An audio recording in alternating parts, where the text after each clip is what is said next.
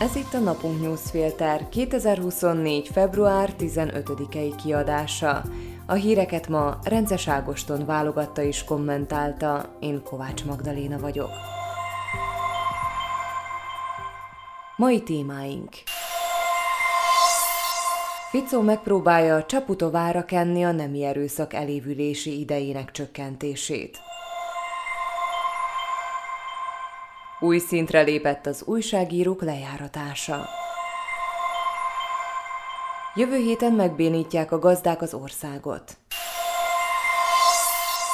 Bár a koalíció előző pénteken végre átnyomta a parlamenten a BTK módosítását, ami csökkenti a büntetési tételeket és megszünteti a különleges ügyészséget, a törvényt Robert Fico egészen szerdáig nem írta alá, így az nem juthatott el az államfőhöz. A szándék a kislekedés mögött az lehetett, hogy minél később tudja a törvényt aláírni Csaputová, annál később tudja továbbítani az alkotmánybíróságnak, aminek annál kevesebb ideje lesz elkaszálni azt. A törvény március 15-én lép hatályba, és ha csak egy napig is hatályban lesz, az már elég, hogy az eljárás alatt álló mi embereink enyhébb büntetéseket kapjanak, illetve a folyamatban lévő ügyek egy része elévüljön. Szerdán aztán Ficó mégis aláírta és továbbította az elnöki hivatalba a törvényt.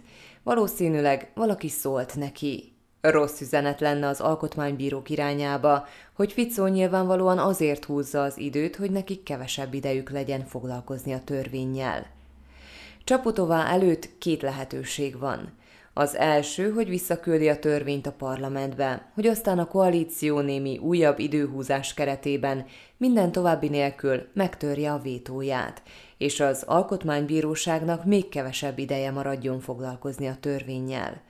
A másik pedig az, hogy ezt az időhúzó bohóckodást elkerülve egyből aláírja és továbbítja a törvényt az alkotmánybíróságnak.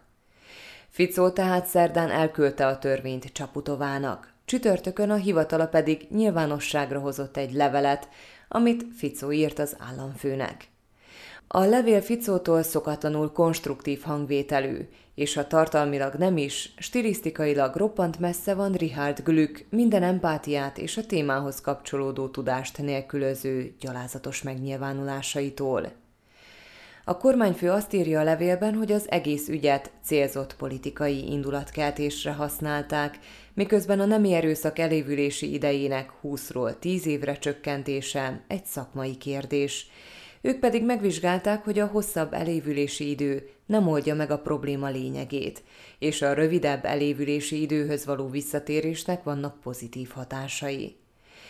Ennek ellenére a kormány kész visszaállítani a nemi erőszak elévülési idejét 20 évre, ha Csaputová megvétózza a törvényt. Fico maga küldi el neki a konkrét jogi megoldási javaslatot, és a kormány javasolni fogja a parlamentnek, hogy az új szavazáson támogassa ezt a megoldást. Fico tehát egyrészt leírta Csaputovának, hogyan kéne eljárnia. Küldje csak szépen vissza a törvényt a parlamentnek, cserébe ők visszaállítják a nemi erőszak elévülési idejét aminek a csökkentése egyébként egy olyan rossz üzenet, amit a koalíciós pártok saját szavazótáborának nagy része is valószínűleg pontosan ért és nem tud vele azonosulni. De ez a gáláns sorvezető egyben fenyegetés is. Ha Csaputová nem küldi vissza a törvényt a parlamentbe, hogy aztán ők könnyedén megtörhessék a vétóját, akkor ő lesz az, aki aláírja a szexuális erőszak elévülési idejének csökkentését, és ha az alkotmánybíróság átengedi a törvényt, ő lesz az oka, hogy hatályba is fog lépni.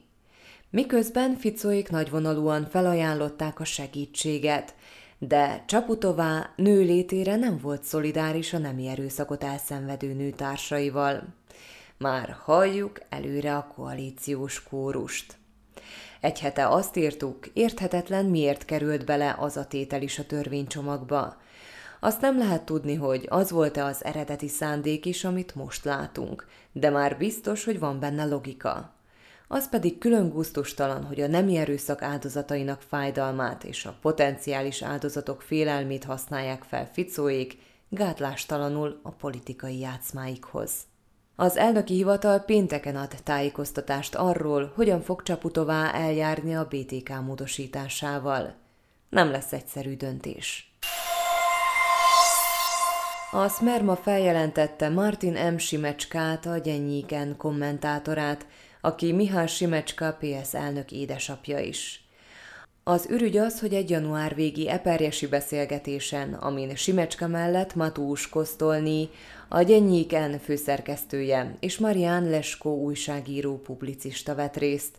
Simecska arról beszélt, milyen visszás, hogy Ficó szerint az oroszok ellen harcoló Ukrajna nem szuverén, miközben Ficó egy kis gyáva nemzet miniszterelnöke, amelyik még soha rendesen nem harcolt. A Smer szerint ez nemzetgyalázás, emiatt jelentették fel Simecskát.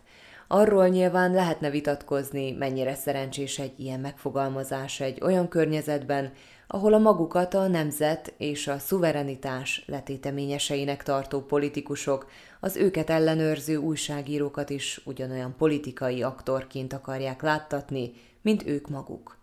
Meg arról is, hogy ebben a környezetben ez a megfogalmazás tényleg magas labda lehet ezeknek a politikusoknak. De mégiscsak egy véleményről van szó. A feljelentést Juraj Gedra, a kormányhivatal vezetője, és Erik Kalinyák, Ficó tanácsadói testületének vezetője, a Smer egyik alelnöke tette. Utóbbi az elmúlt hónapokban azzal vétette észre magát, hogy meglepetésszerűen letámadott újságírókat, hogy számon kérje őket. Megtette ezt többed magával előző héten Marian Leskóval, aki Pozsonyban egy beszélgetés helyszínéről indult haza. Nem sokkal a választások előtt pedig Peter Bardit, az Actuality főszerkesztőjét lepte meg Erik Kalinyák és Juraj Gedra a Ficóról írt könyvének a bemutatóján. Ezekről a meglepetésszerű számonkérésekről videókat készítettek. A szándék egyértelmű. Egy ilyen váratlan és kényelmetlen helyzetben, amire felkészülni sem lehet, a kiszemelt alanyt könnyű zavarba hozni és gyengének láttatni, a róla készült felvételt pedig koncepciózusan megvágni. Tehát azok a politikusok, akik nem hajlandók szóba állni az újságírókkal és válaszolni a kérdéseikre, meglepetésszerűen letámadják az újságírókat és számon kérik őket. Mintha az újságírók lennének azok, akik nem akarnak szóba állni a politikusokkal, és nekik lenne az a dolguk, hogy válaszoljanak a politikusok kérdéseire. Egyébként az újságírók is néha megszoktak így látni politikusokat, jellemzően azért, mert azok a normális keretek között nem hajlandóak szóba állni velük. A média szerepéről és esetleges hibáiról lehet legitim vitát folytatni, de ennek is meg lehet teremteni a normális kereteit, ahogy annak is megvannak a keretei, hogy egy politikus kifejezze, ha nem ért egyet azzal, amit egy újságíró róla írt. Erik Kalinyákék azonban nem vitázni akarnak, csak lejáratni a nekik kellemetlen kérdéseket feltevő újságírókat. Ezért támadták le Bárdit és Leskót, és ezért jelentették most fel Simecskát. Nyugat-Európában már jó ideje tiltakoznak a gazdák, február 22-én szlovákiai társaik is csatlakoznak hozzájuk. Az okok ugyanazok, mint nyugaton. A gazdákat frusztrálja a túlbonyolított uniós dotációs rendszer, a hatalmas administratív terhek és a mezőgazdaság túlságosan ambíciózus ökologizálása.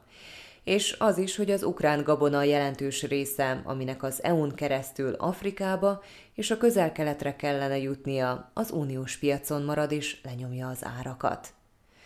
A nyugati gazdatüntetések nyomására már az Európai Bizottság is reagált és enyhített bizonyos szabályozásokon, de a tüntetések tovább folynak.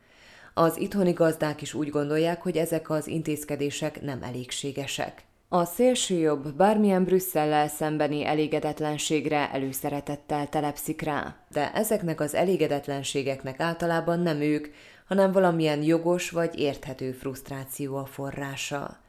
Nem is lehetne nagyobb hibát elkövetni, mint hogy ebből az irányból értelmezzük a gazdák elégedetlenségét, Hiába használta fel például Orbán Viktor is marketing célokra a Brüsszelben tüntető gazdákat.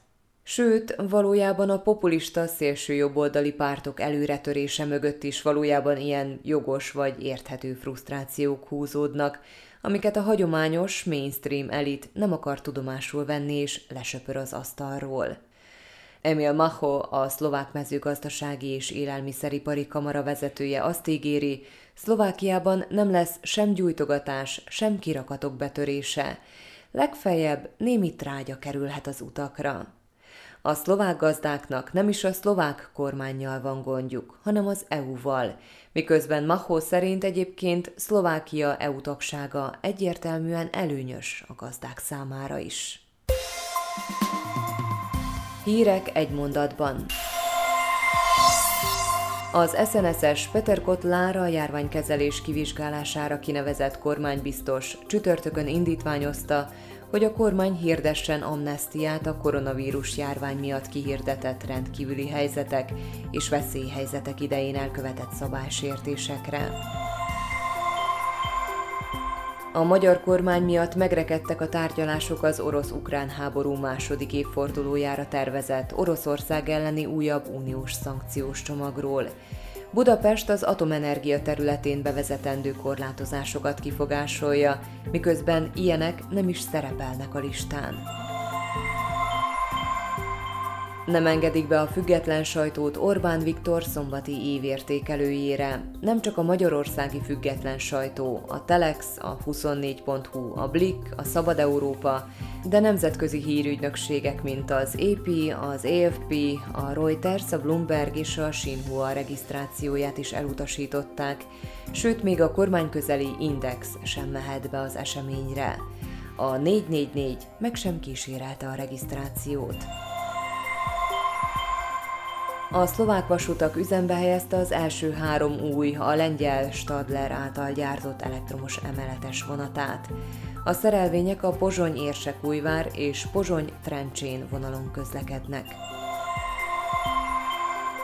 Két év alatt két milliárd PET palackot és fémdobozt váltott vissza a laposság. Monika Farka, a betétdíj rendszerkezelő társaság menedzsere tájékoztatása szerint a visszaváltás aránya már 2023-ban elérte a 92 ot amivel Szlovákia nem csak 2025-re kitűzött célt teljesítette, hanem meghaladta az EU által 2029-re előírt 90%-os visszaváltási arányt is.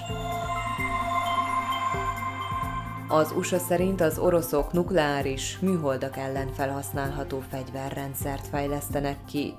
A Kreml ezt visszautasítja. Az oroszok szerint a Fehérház így akarja rávenni a törvényhozókat a következő ukrán segélycsomag támogatására.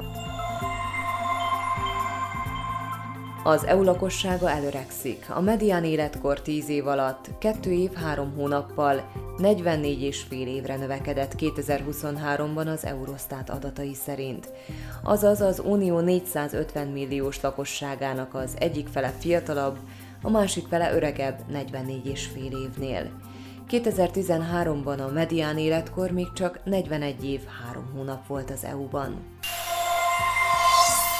A mai napunk newsfilter híreit válogatta és kommentálta Rences Ágoston. Én Kovács Magdaléna vagyok, a Viszonthallásra holnap.